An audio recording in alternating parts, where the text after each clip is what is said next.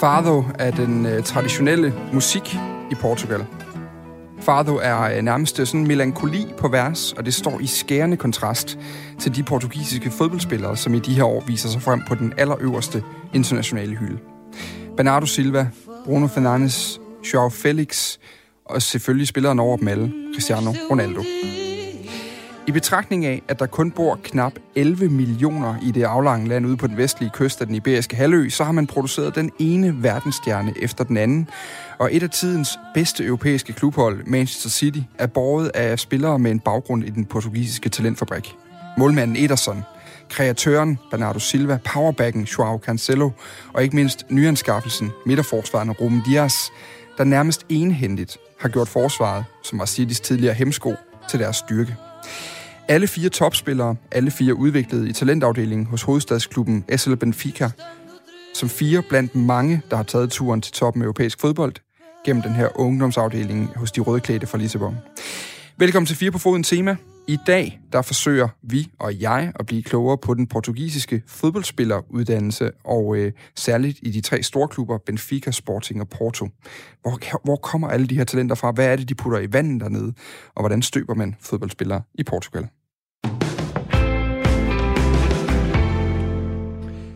Jeg ved heldigvis øh, så lidt øh, om det her, at jeg har kunnet henkalde øh, rigtig, rigtig dygtige mennesker til at gøre mig klogere på det, og så forhåbentlig også give jer noget med øh, samtidig. Goddag, øh, Magni Mor. Goddag. Eller det er god aften nu. Er vi efter kl. 18, i hvert fald i Danmark. Øh, det er klokken lidt over 17 på Færøerne, hvor, øh, hvor du sidder. Du er øh, professor... Øh, men det der med titlen er faktisk noget, vi har snakket om på redaktionen i dag. Fordi jeg kommer ud og siger, øh, jeg har en gut med, der er professor i fodbold i dagens program, og så siger min redaktør, nej, det er der ikke andre end Michael Laudrup, der og øh, så du må lige starte med at forklare, du er jo faktisk professor i lige præcis fodbold på Syddansk Universitet. Øh, du forsker i fodbold. Hvad, hvad, hvad består dit job af, synes jeg lige, vi skal starte med egentlig? Uh, jamen, det består, at fodbold er jo ligesom uh, mange andre ting en, en uddannelse. Du nævnte du lige, uh, hvordan man laver fodbold, hvordan er, er den portugiske fodbolduddannelse. Uh, så det, som sådan nogen som mig gør, det er, at vi studerer forskellige uh, aspekter af spillet. Og det har jeg så gjort i de sidste 25 år, øh, hvor jeg har studeret den fysiske dimension af fodbold. Ja, og du har jo ikke kun gjort det fra øh, universitetsrummene i Odense eller på Færøerne, hvor du sidder og arbejder. Øh, du har jo simpelthen også gjort det ude i nogle af de øh, allerstørste klubber, øh, vi kender til. Skal vi prøve Altså, nu, jeg, kan, jeg kan lige... Hvis vi nu bare lige tager 4-5 stykker, så nævner jeg en, så nævner du en, så nævner jeg en, så nævner du en. Så kan vi jo tage den derud af. Så kan jeg starte med at sige Chelsea. Ja, så siger du... Og så skal jeg sige en. Ja, så, så siger du en. Så siger jeg Deportivo La Coruña, som er en lidt mindre klub. Ja, så siger jeg øh, Juventus. Så kan jeg sige øh, Cameroons landshold. Ja, okay, men vi stopper faktisk der, fordi der var du netop performance director i det kamerunske fodboldforbund. Men i hvert fald øh, en ekstremt kompetent mand. Tusind tak, fordi du har øh, lyst til at være med i dag, Mark Nimor. Jamen, det var så lidt. Øhm, og det har Magdi så også arbejdet med, det er, at han har været, øh, man kan sige, arbejdet sammen med nogle gode kolleger fra SDU. Øh, så er en gut ved navnet Joao Brito, som er øh, blandt andet er sådan leder af den fysiske træning og forskning ved det portugisiske fodboldforbund. Det skal vi også høre lidt mere om øh, senere. Men så er det jo altså også en kæmpe stor fornøjelse at kunne sige øh, god aften til dig, Michael Manneke. Tak. Tidligere fodboldspiller med en øh, ikke bare flot, men enormt flot karriere i blandt andet Benfica hvor du stadig jo øh, er den, mest, øh, den fjerde mest scorende udlænding nogensinde. Kan jeg fortælle dig? Ja. Okay, det er super. Det er ret stærkt. Der ligger, jeg mener, der ligger en svensker lige over dig, ellers så er det et par, øh, par sydamerikanere. Han, han, han, han skulle bare bruge 37 kampe mere. Stærkt. Michael han har lavet 75 mål i 132 kampe øh, for Ørnene for Lissabon, øh, Benfica der. Michael, jeg kunne godt tænke mig at starte lige lidt hos dig med, med at høre om din oplevelse med Portugal. Hvad var den største oplevelse, sådan isoleret set, i din tid i Portugal? Er der sådan et særligt minde, der står skarpt for dig? Ja, et eller andet, ja, oplevelsen, den startede jo, da jeg landede, så at sige. Fordi der bliver man hentet i lufthavnen af Eusebio og Svend Jørgen Eriksson. Så bare det, øh, det var, det var relativt stort. Altså på den sportslige side, jamen der har vi jo der har, der har også været flere højdepunkter, kan man sige, men, men, men øh, oplevelsen og, og det helt fantastiske, det var et eller andet sted, set i bagspejlet, som bliver stærkere og stærkere sådan set, det er, at man kommer i starten af 80'erne fra Hvidovre, som godt nok var dansk mester på det tidspunkt, men vi var jo slet ikke i nærheden af at køre fodbold på den måde, de gør nede i, gjorde nede i Benfica. Så det var en mega omvæltning at komme for at træne, træne to til tre gange om ugen, og så øh, skulle træne 8 til 10 gange om ugen.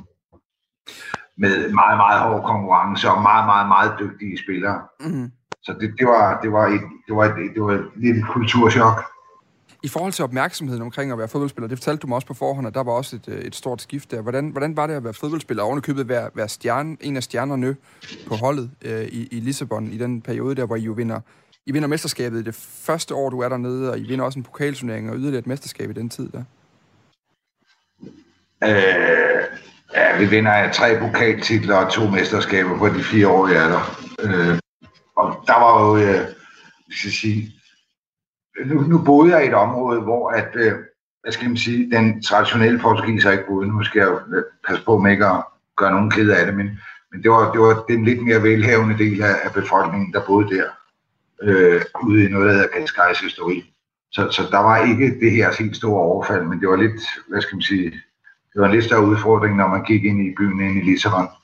Mm. Men det var, ved du, at de, de søde og venlige. Der var ikke noget, hvad skal man sige, øh, det, var, det var ikke, øh, det var tåligt, lad mig sige det sådan. og øh, kære lytter, senere i programmet, der kommer du også øh, til at øh, møde ham her. Uh, my name is Tom Kundert. I'm a Portuguese football journalist. I've been based in Lisbon for uh, about 25 years now. Halv britte, halv portugiser, og øh, med bylines i blandt andet øh, World Soccer Magazine, og med sit eget medie Portugal, der dækker Tom Kundert altså øh, øh, portugisisk fodbold enormt tæt. Han kommer blandt andet til at fortælle os om, hvordan det er bygget op, selve talentsystemet i, i Portugal, og, og hvornår de øh, henter spillere ind, og så videre. Men det er altså, hvad du kan glæde dig til øh, den næste times tid. Nå, øh, Michael Manike, vi skal lige blive lidt ved, øh, ved, ved din tid i Portugal. Hvordan spiller de fodbold i Portugal i forhold til, øh, til Hvidovre? Hvad var det for en, for en spillemæssig omvæltning at komme ned til, udover at øh, kvalitetsniveauet var øh, lidt højere? Ja, det var, det, var, det var noget højere, det må man sige, og øh, det holdt man så skal ned og prøve at få en, en plads på.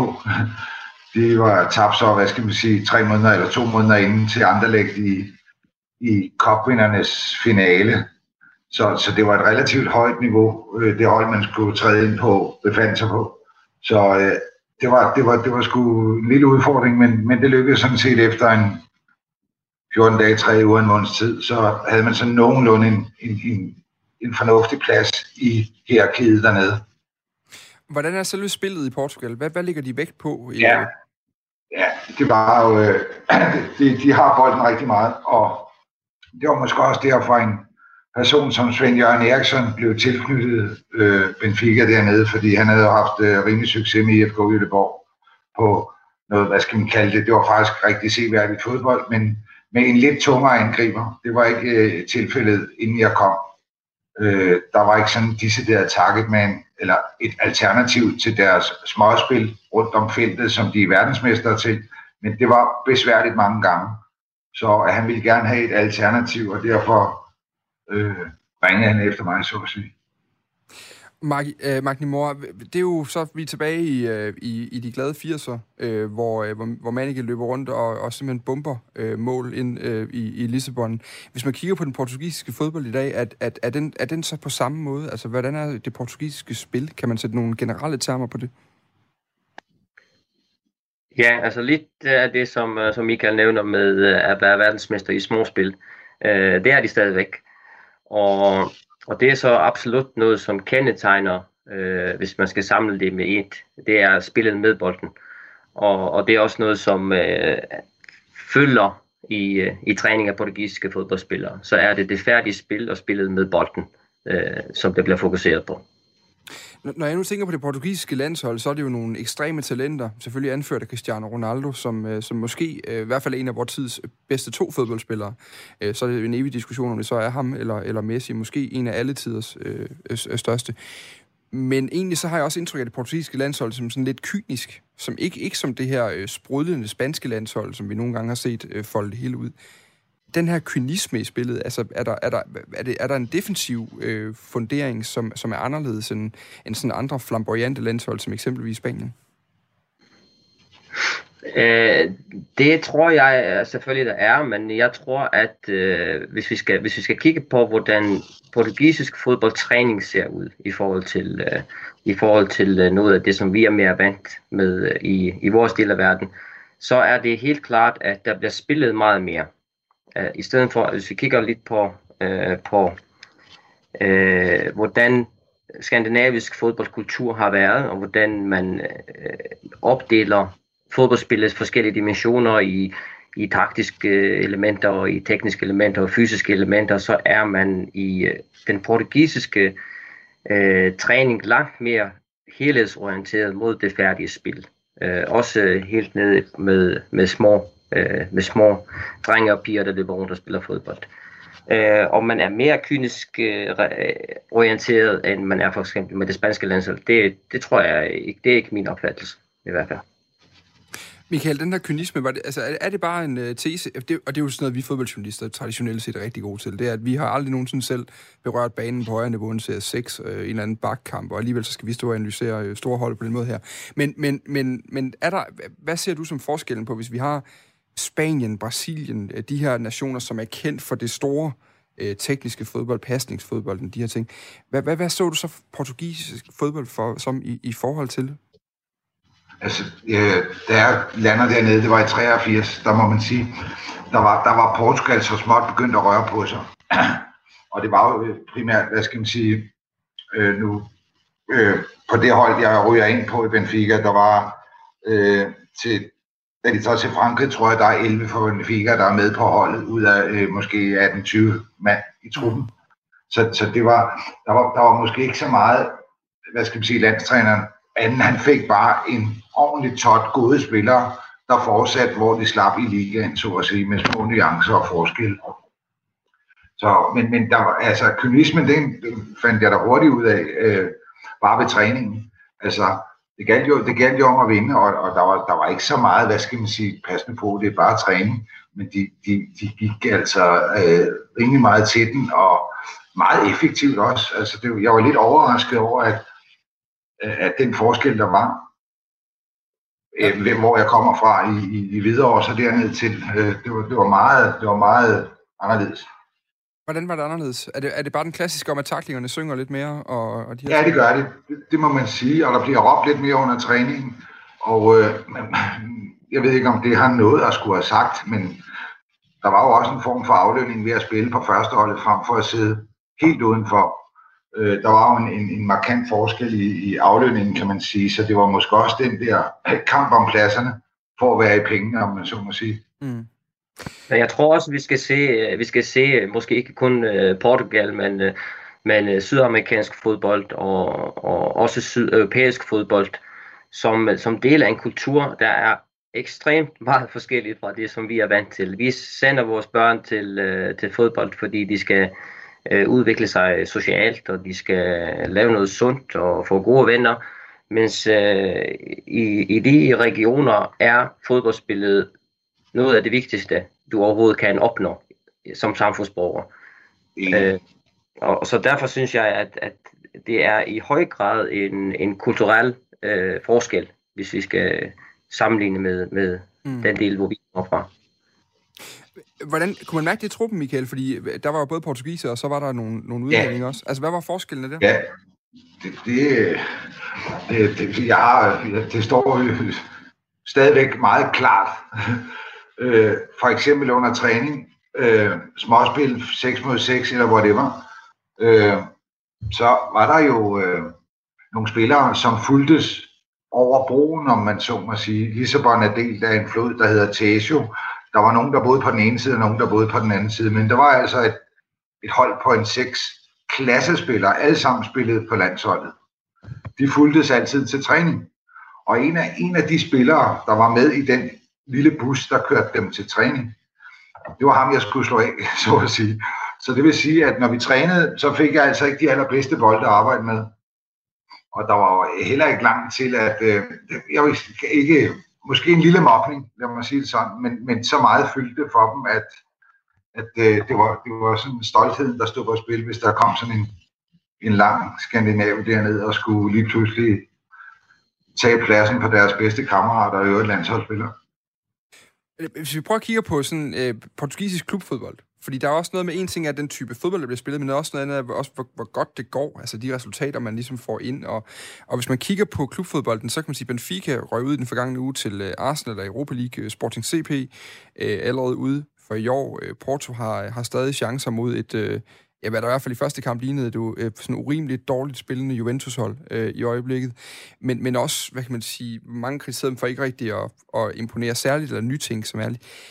Magni Mono, du, grunden til, at jeg er sindssygt glad for at, at have dig med, det er også, at vi kommer også tilbage til den senere, du blandt andet lavet en editorial, hvor du ligesom har kigget på, hvor fodbolden udvikler sig på vej hen, sammen med nogle gode kolleger, og, og hvad der skal til for at have succes i dag, og kigger bredt på fodbolden ud over hele Europa og laver sammenligninger på forskningsniveau.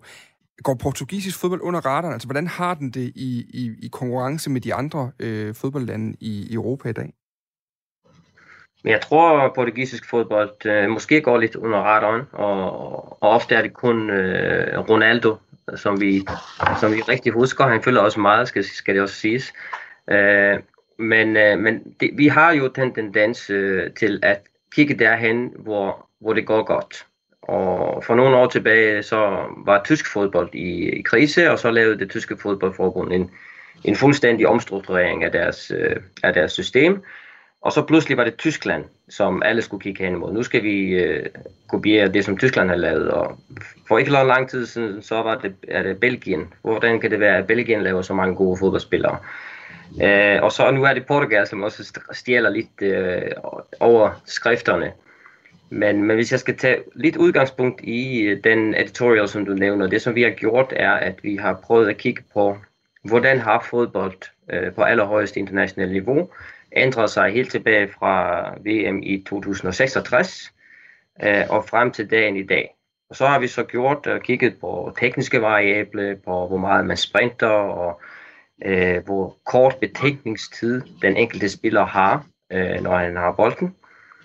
Og så har vi prøvet at ekstrapolere eller beregne videre, og så se, hvordan kommer det til at se ud i fremtiden om 10 år, i 2030, hvis den udvikling, som vi er dele af nu, fortsætter. Mm. Og det, som vi ser meget tydeligt, er, at, at fodbold i dag er øh, mange gange hurtig, hurtigere, end det nogensinde har været.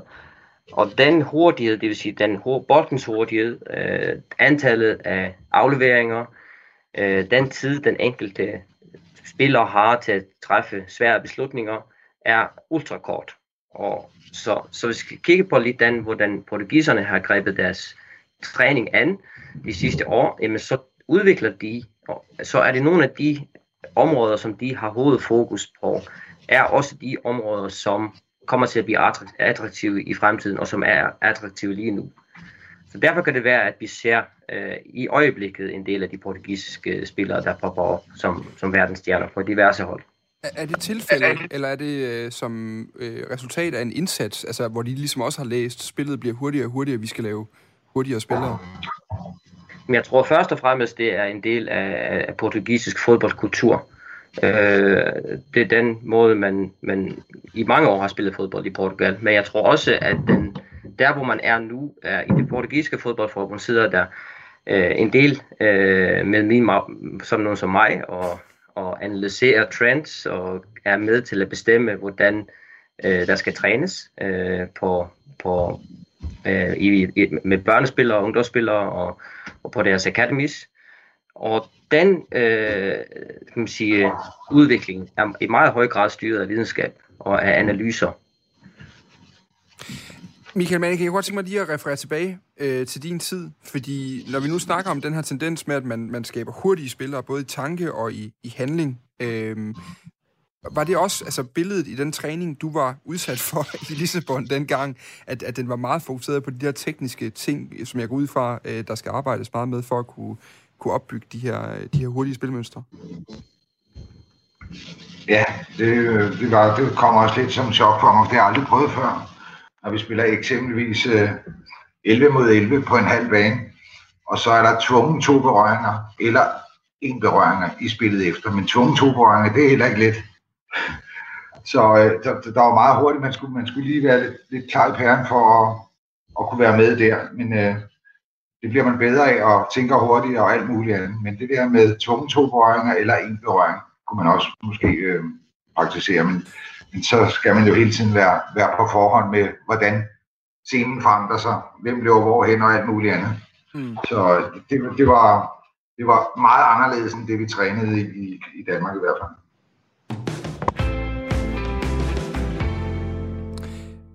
Udgangspunktet for den her udsendelse, det er jo, at øh, fire dimittenter fra Benficas akademi i øjeblikket er centrale brækker øh, på, øh, på, nogen kalder det det bedste fodboldhold, Pep Guardiola har sendt på banen siden øh, det her Barcelona-hold, han havde for, ja, det er jo snart øh, 10-12 år siden. Ederson, Bernardo Silva, Joao Cancelo og ikke mindst nyindkøbte Ruben Dias har alle fire været igennem den talentmaskine i Benfica, der har omsat fodboldspillere til europæiske topklubber for næsten 900 millioner euro over de sidste 10 år. Men øh, nu skal vi lidt tættere på, hvordan de sådan helt konkret gør. Altså, hvordan er systemet bygget op i Portugal? Hvordan arbejder man med talenter? Den britiske journalist Tom Kundet har øh, base i Lissabon. Han dækker portugisisk fodbold intenst for flere internationale medier for uden sit eget Portugal, som altså også varmt kan anbefales, hvis du har en øh, forkærlighed for øh, Ronaldo, Pepe, Porto og Jorge Jesus. For, for Tom øh, Kundet, der handler talentsuccesen først og fremmest om en ganske massiv talentmasse. The news quite often. Anything, any relatively big story in Portugal uh, on the on the national news, you know, that would be right near the top of the news. You know, before even you know, or alongside you know any kind of political goings on, and uh, and so and also I think uh, you know, which is kind of tied in with this. One big factor is that in comparison to other countries, like uh, uh you know most of the Western European countries, is that uh, there's not really much investment and much interest, even certainly compared to other countries, to other sports. And so, uh, you know, everything is really concentrated towards football. Han fortæller blandt andet her, at der jo er øh, tre landsdækkende aviser i Portugal, som dækker sport, men hvor 38 ud af 40 sider handler om fodbold. Øh, og det er ikke øh, på den måde et sted, hvor øh, der bliver investeret særlig meget i mange andre sportsgrene. Og når så de her øh, uslæbende diamanter eller juveler dukker op blandt småstenene øh, ude på de mange ungdomshold i Portugal, så kommer der en øh, stor støvsur forbi med en slange, der har sin øh, ende inde i en af de tre storklubber, Benfica, Porto eller Sporting Club de Portugals akademier.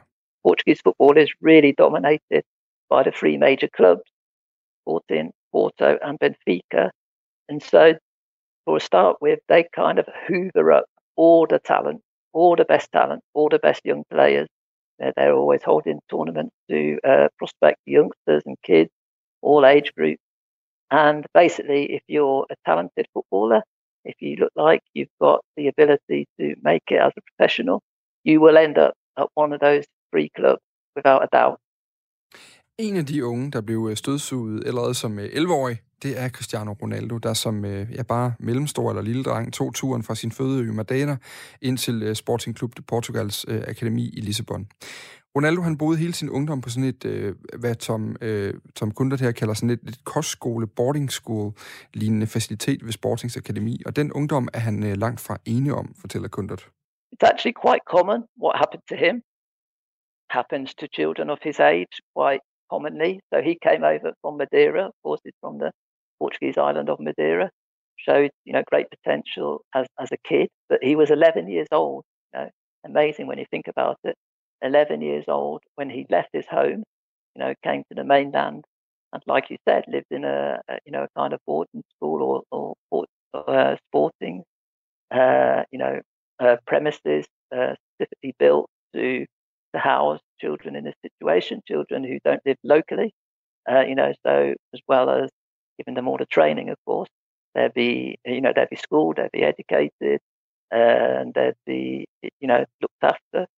And uh, you know everything else which goes with uh, you know not giving children a normal healthy upbringing and this is very common so uh, you, you go through the the players who make it to the first team of these big clubs and you go through their biographies and they're all very similar in that they all say uh, it's quite amusing because you see this like a 18 or 19 or 20 year old getting into the first team and then they, they start giving a few interviews and they say things like, yeah, you know, you know, I've been now at Porto for 10 years or I've been at Porto since I was seven years old or something. I've been at Sporting since I, I was signed here when I was, uh, you know, eight years old or something. So it's very, very common that these top talented kids are honed from a very early age.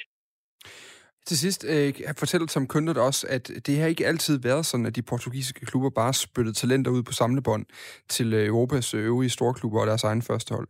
Hvis man går bare 10-15 år tilbage, så var det næsten umuligt for portugisiske talenter at få spilletid på øh, førsteholdene hos et af de tre store hold i Liga Nosh. Pladserne de var nemlig besat af sydamerikanske supertalenter som James Rodriguez, Falcao, David Luiz i sin tid, der også kom forbi øh, Benfica, og mange andre, der har taget turen til Europa via Portugal. Portugal's club sides have managed to compete very well in Europe and have enjoyed quite a lot of success in Europe. When you compare the, you know, the amount of, of money in Portuguese football, certainly they've kind of overachieved. But they did that mainly by uh, very good scouting and picking up excellent players, especially from South America, especially from Brazil, of course, with the, strong ties there, linguistic, cultural ties. And uh, and they tended to build fantastic teams by getting uh, these young, talented Brazilians, Colombians, Mexicans, especially. I suppose Porto were the experts at this. Uh, in their, their, team in the 2010, for example, the great Andre Villas-Boas team. Uh, I think it only had one or two Portuguese players in. You you had players like Hulk, uh, uh, Falcao, uh, Rodriguez, these absolutely fantastic players. And what that happened, although it made these sides stronger, it kind of uh, barred the way. It kind of caused a bit of a, a, barrier for young Portuguese talent. And so there was just no way for them to really shine. Uh, what changed? Uh, in the meanwhile, you know, Portuguese football has always struggled financially. The gap has just got bigger and bigger. And uh, also, I think the, the bigger leagues and the more wealthy clubs They've become much more proficient in their scouting networks. And so now these top talented South Americans, and uh, especially, they tend to go straight to a Premier League club or La Liga club or an Italian club or a German club. They're not so willing to come to Portugal. fortalte altså her den, øh, den britisk-portugisiske øh, journalist Tom Kunde, der, øh, der har arbejdet i Lissabon i 25 år, boet i Lissabon, og som dækker portugisisk fodbold rigtig tæt. Det er jo meget interessant, det han fortæller, Mark Mor, altså at det også er kommet ud af nød på en eller anden måde, fordi de portugisiske klubber har svært ved at være med i det her pengekapløb, der jo er blandt de europæiske superklubber. Altså, de bliver simpelthen, den næste James Rodriguez, han, han dropper øh, visitet i Portugal og rykker direkte til en af de helt store, øh, når han skal afsted fra, fra Colombia for eksempel. Altså, øh, øh, når man ser på talentudviklingen, at man ligesom har givet det et skub nu, hvor meget af talentudviklingen handler om, om chancen på førsteholdet? For det er sådan en kliché, der tit bliver brugt jo, at, at når det går skidt, så er det fordi, man ikke får givet dem chancerne på førsteholdet tidligt nok, de her store talenter. Hvor mange talenter har været der hele tiden? Er de bare blevet spildt i de sidste mange år? Eller, eller er man begyndt at gøre noget helt anderledes nu? Ja, jeg tror, at man er begyndt at gøre noget anderledes, fordi at man, øh, at man gerne vil, øh, vil sikre, at øh, man ikke ender i den anden situation, som beskrevet lige før, at, øh, at øh, positionerne på førsteholdet bliver besat af spillere fra, øh, fra andre lande. Men jeg tror også, at det er i høj grad også drevet af en forretningsmodel, at, at øh, hvis man kan udvikle spillere, portugisiske spillere til øh, Premier League og til de store, andre store ligaer, jamen så er der jo også en, øh, så er det også god forretning.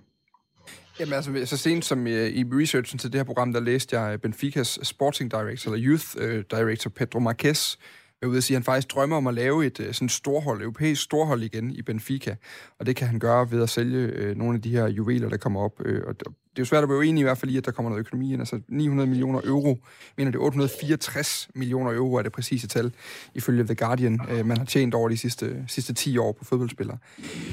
Hvor, hvor omkosteligt er det her? Fordi man kan jo godt tænke, at hvis de kan sælge en Ruben Dias hvert år, øh, og der så bare måske er en eller to andre, der kommer på førsteholdet, så, så, er det jo, øh, så bliver det jo ret hurtigt nogle af de rigeste i verden.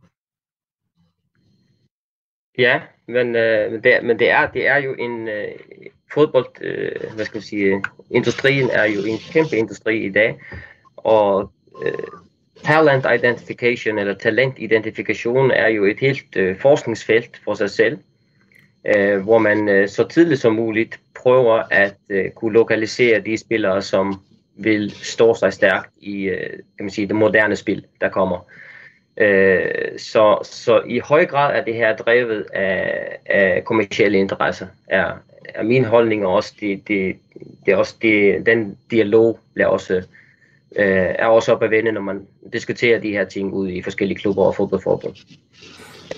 Michael Manning, jeg godt tænke mig lige komme over til dig, fordi, fordi du har må også oplevet ja. din tid i Portugal, at der kommer spillere op ned fra den her ungdomsafdeling, som jo altid har været der øh, i de her klubber og har været stærk. Hvordan, hvordan, hvor dygtige var de, da de kom op dengang? Kan du huske øh, oplevelsen af de her meget unge portugiser? Øh, meget, meget øh, svagt, fordi det var faktisk ikke noget, der kom fra egne rækker på det tidspunkt. Der var det lettere at tage til Brasilien og tog det over.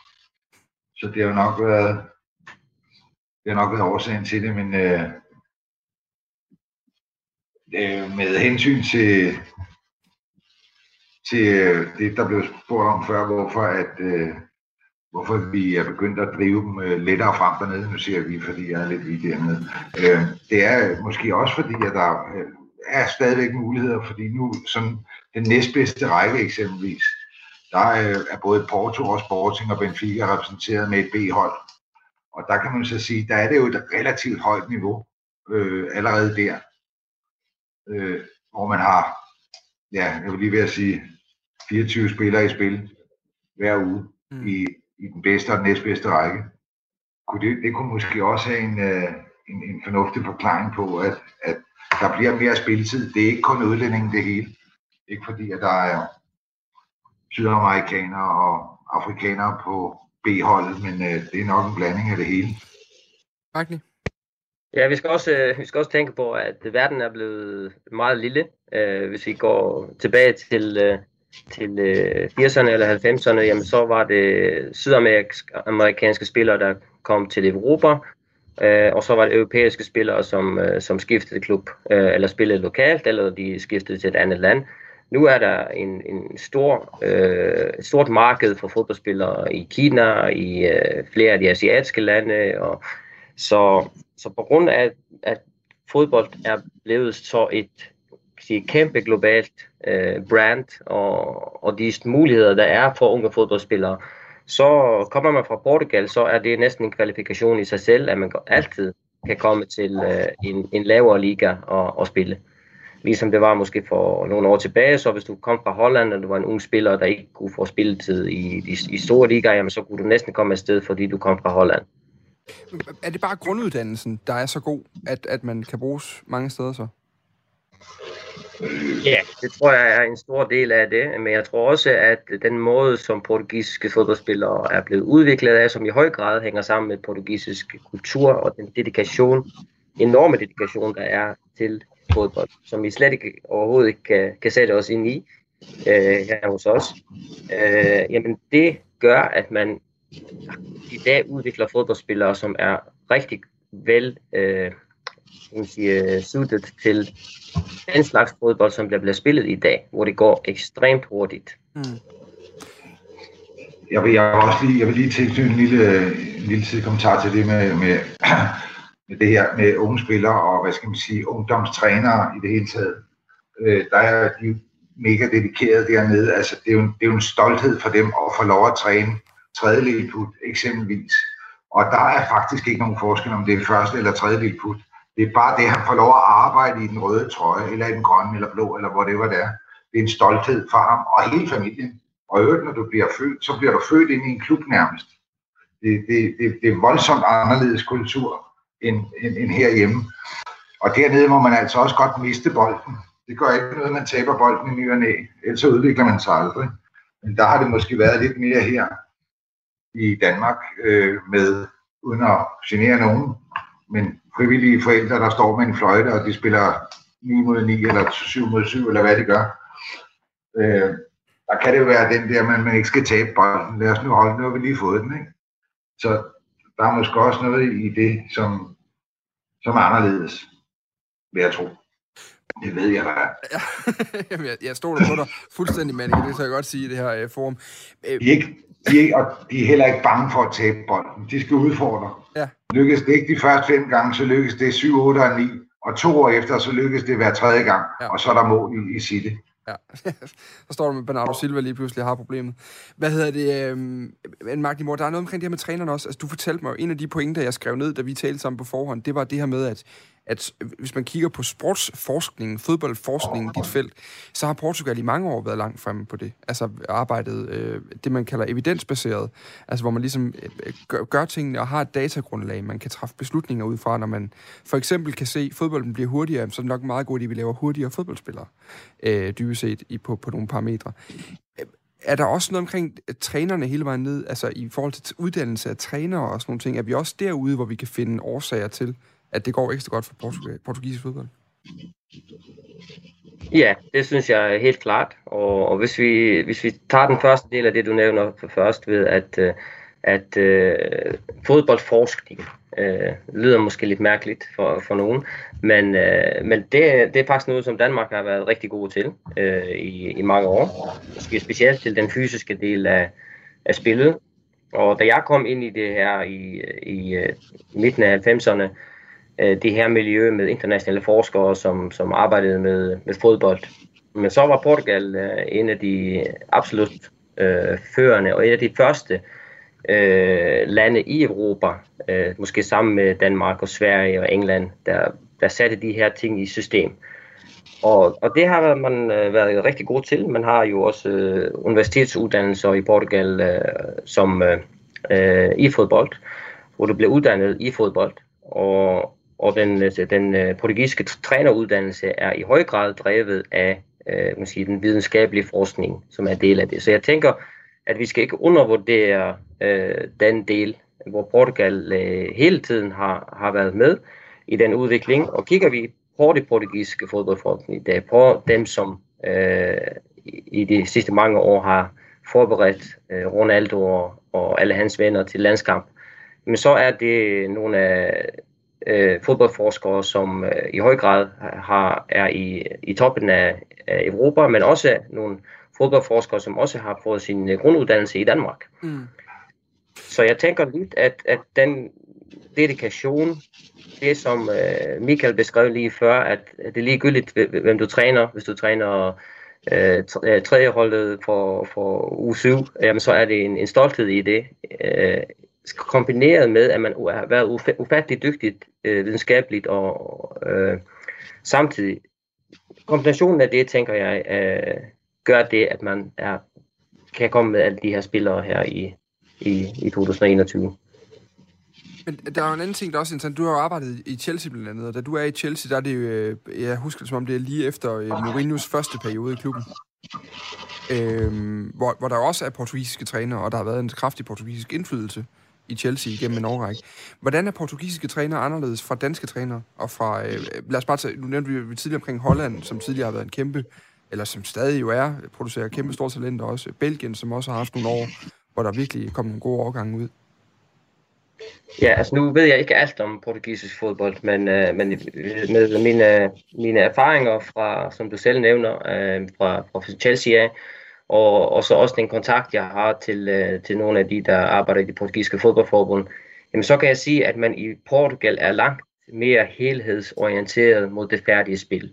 Det, man spiller meget mere i træning, øh, i forhold til, hvad man gør i, øh, i vores del af verden, hvor man har en tendens til at, øh, til at arbejde lidt mere delmetodisk, hvor man, øh, hvor man splitter spillet ned i forskellige øh, skal man, subtraktioner, som man træner mm. øh, under meget kontrollerede forhold, i stedet for at spille.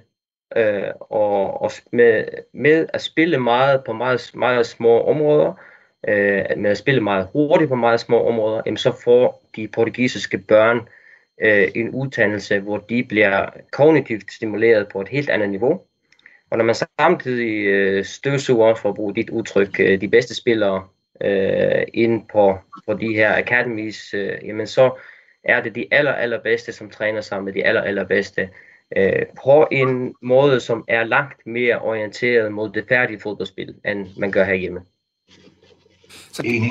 Ja, og så det du siger, det er, at hvis en dansk, lad os sige, en af de rigtig dygtige i en dansk årgang, kom der ned, hvad er det så for nogle ting, de vil blive overrasket over i træningen?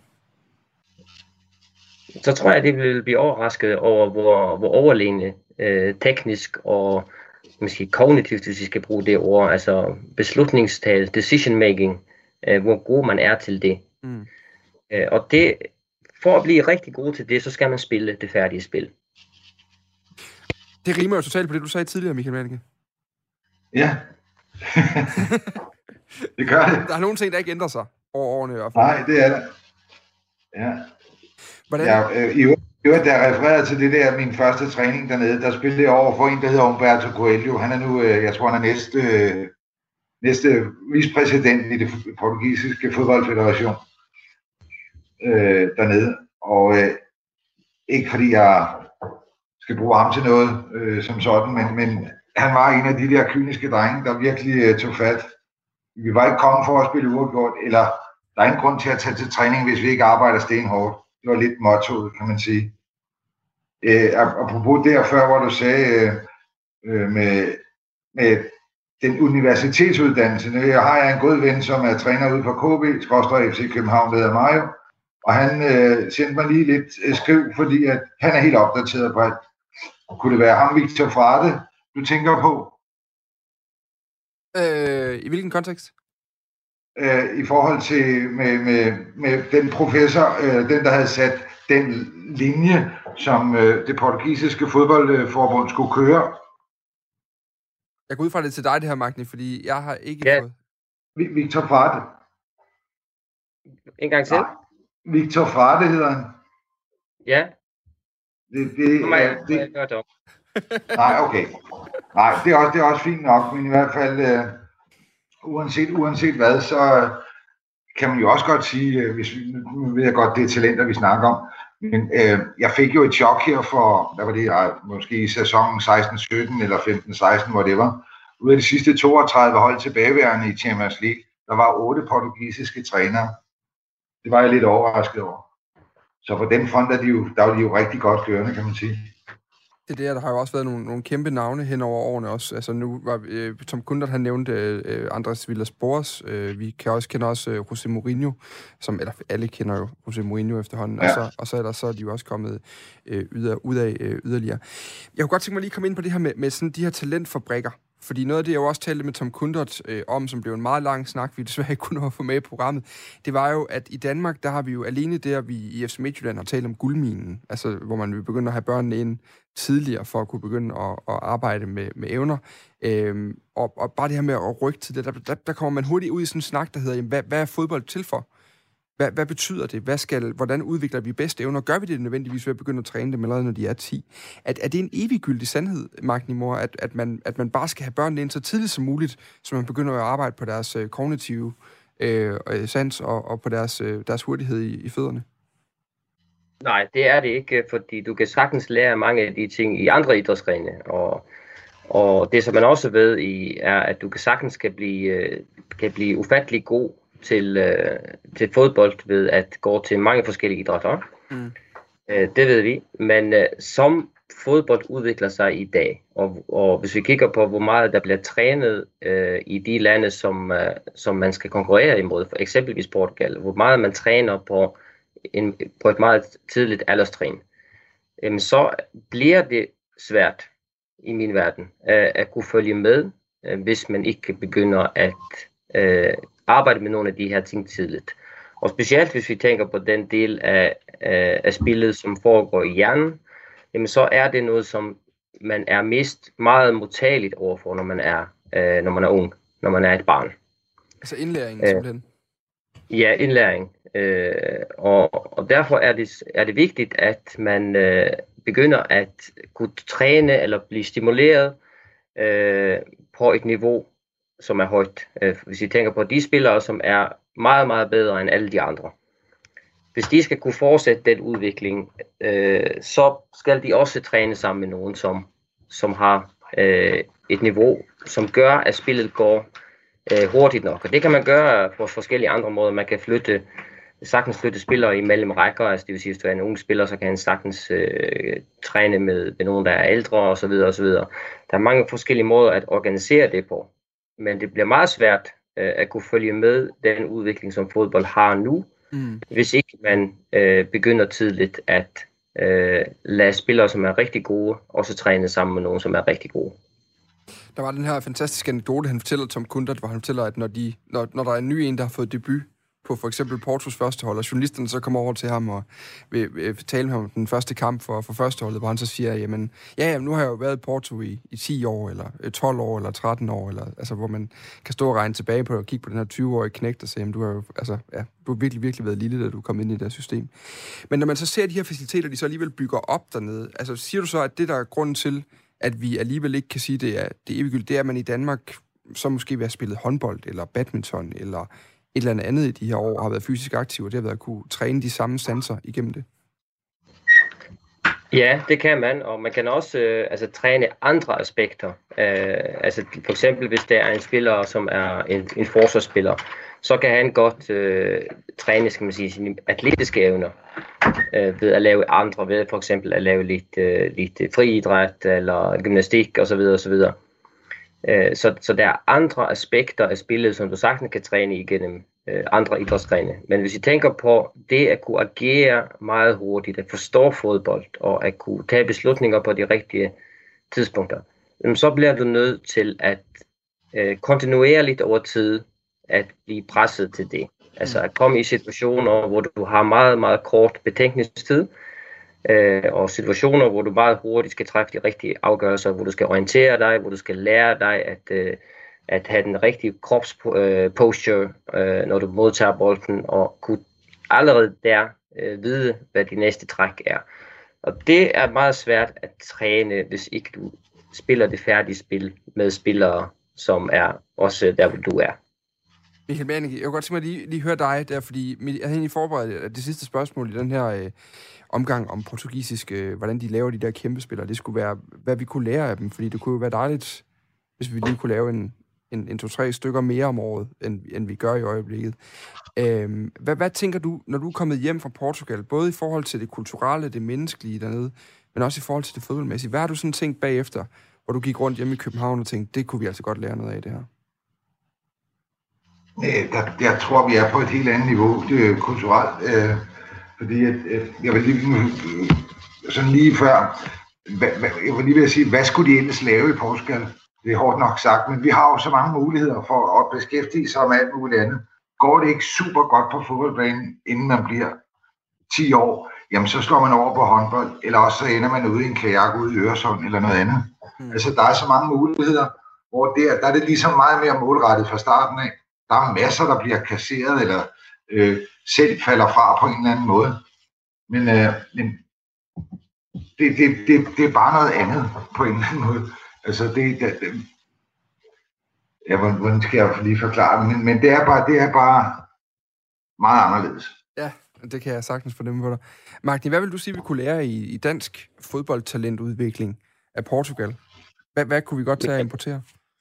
Jeg tror sådan overordnet, at det er meget vigtigt, at, at man ikke bare kopierer andre tilgang til fodbold. Øh, fordi om, om fire år, så er det måske Grækenland, man kigger til, eller USA, altså skal vi så kopiere den igen? Jeg tror, det er meget vigtigt, at man udvikler dansk fodbold, øh, hvor man stadigvæk bibeholder den kan man sige, kultur, øh, der er i Danmark. Og som, øh, og som, øh, som øh, Michael også nævner, så er der, der er også en, en bagside af medaljen i forhold til at have de her meget strenge talentudviklingsprogrammer, at man ser jo kun øh, dem, der går igennem. Man ser ikke måske den, den store række af spillere, som, som ikke når det. Mm-hmm. Hvis vi har nogle samfund, som, hvor, hvor den enkelte har øh, uendelige muligheder.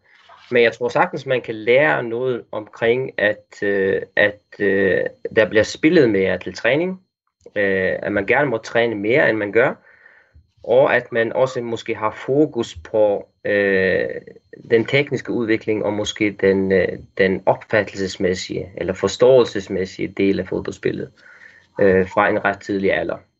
Og det tror jeg godt, man kan lade sig inspirere af, uden at man nødvendigvis kopierer en anden lands model.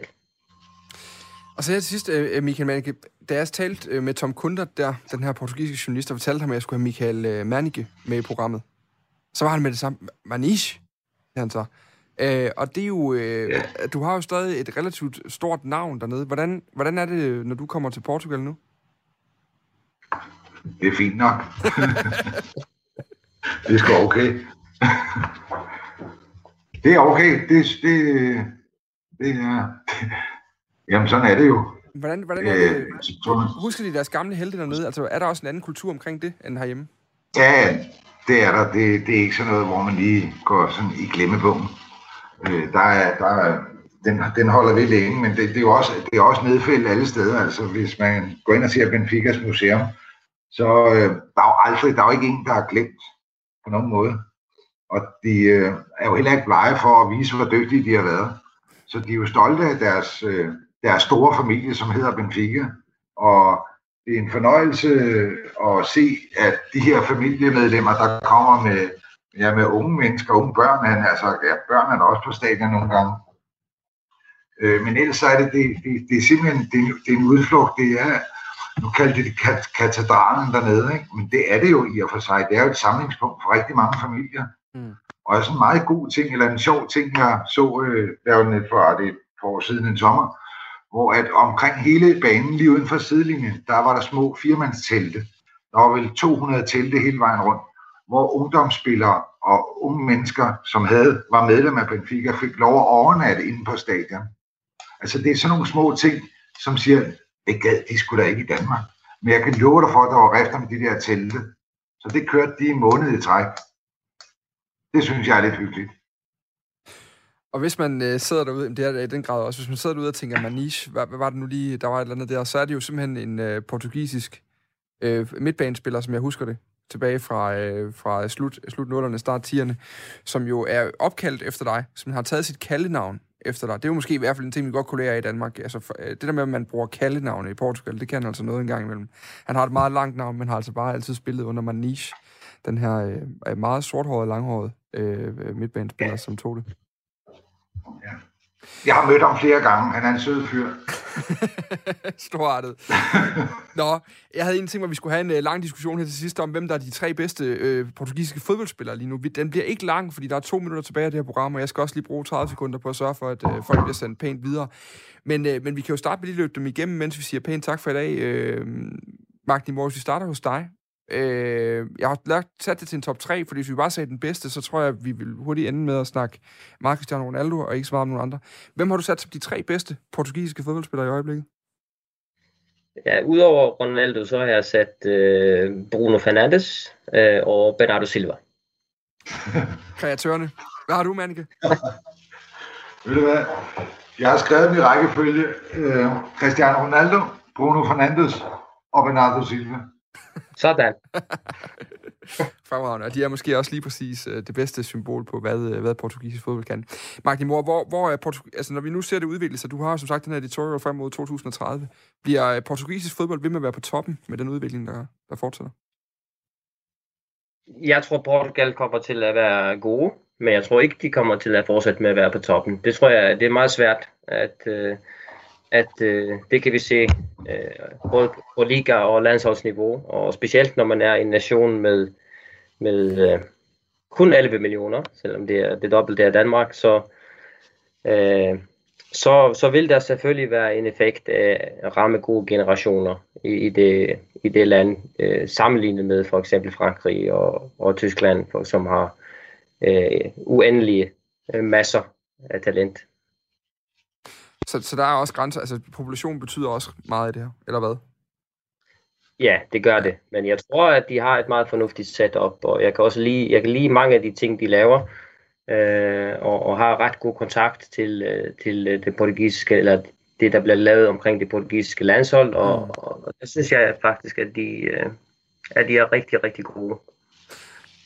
Fodboldprofessor, måske den bedste titel, vi har haft i programmet endnu. Mark, din mor, tusind tak, fordi øh, du havde tid til at være med i dag. Jamen, det var så lidt. Og en øh, mindst lige så stor tak til Michael Manninge. Til professoren. Virkelighedens professor, kan man sige. Det er dig, der har været derude på banen. Tusind tak, fordi du har tid til at være med i programmet. Ja, selv tak da. Selv tak. Og jeg er altså tilbage øh, næste mandag med øh, mere øh, Fire på foden. Hvad det skal handle om der, det kan du, øh, det kan du høre til den tid. Øh, hvis du har øh, gode idéer eller indspil øh, undervejs, så send mig en mail på sportssnabelagradio4.dk. Klokken er nu blevet 19, øh, og der er nyheder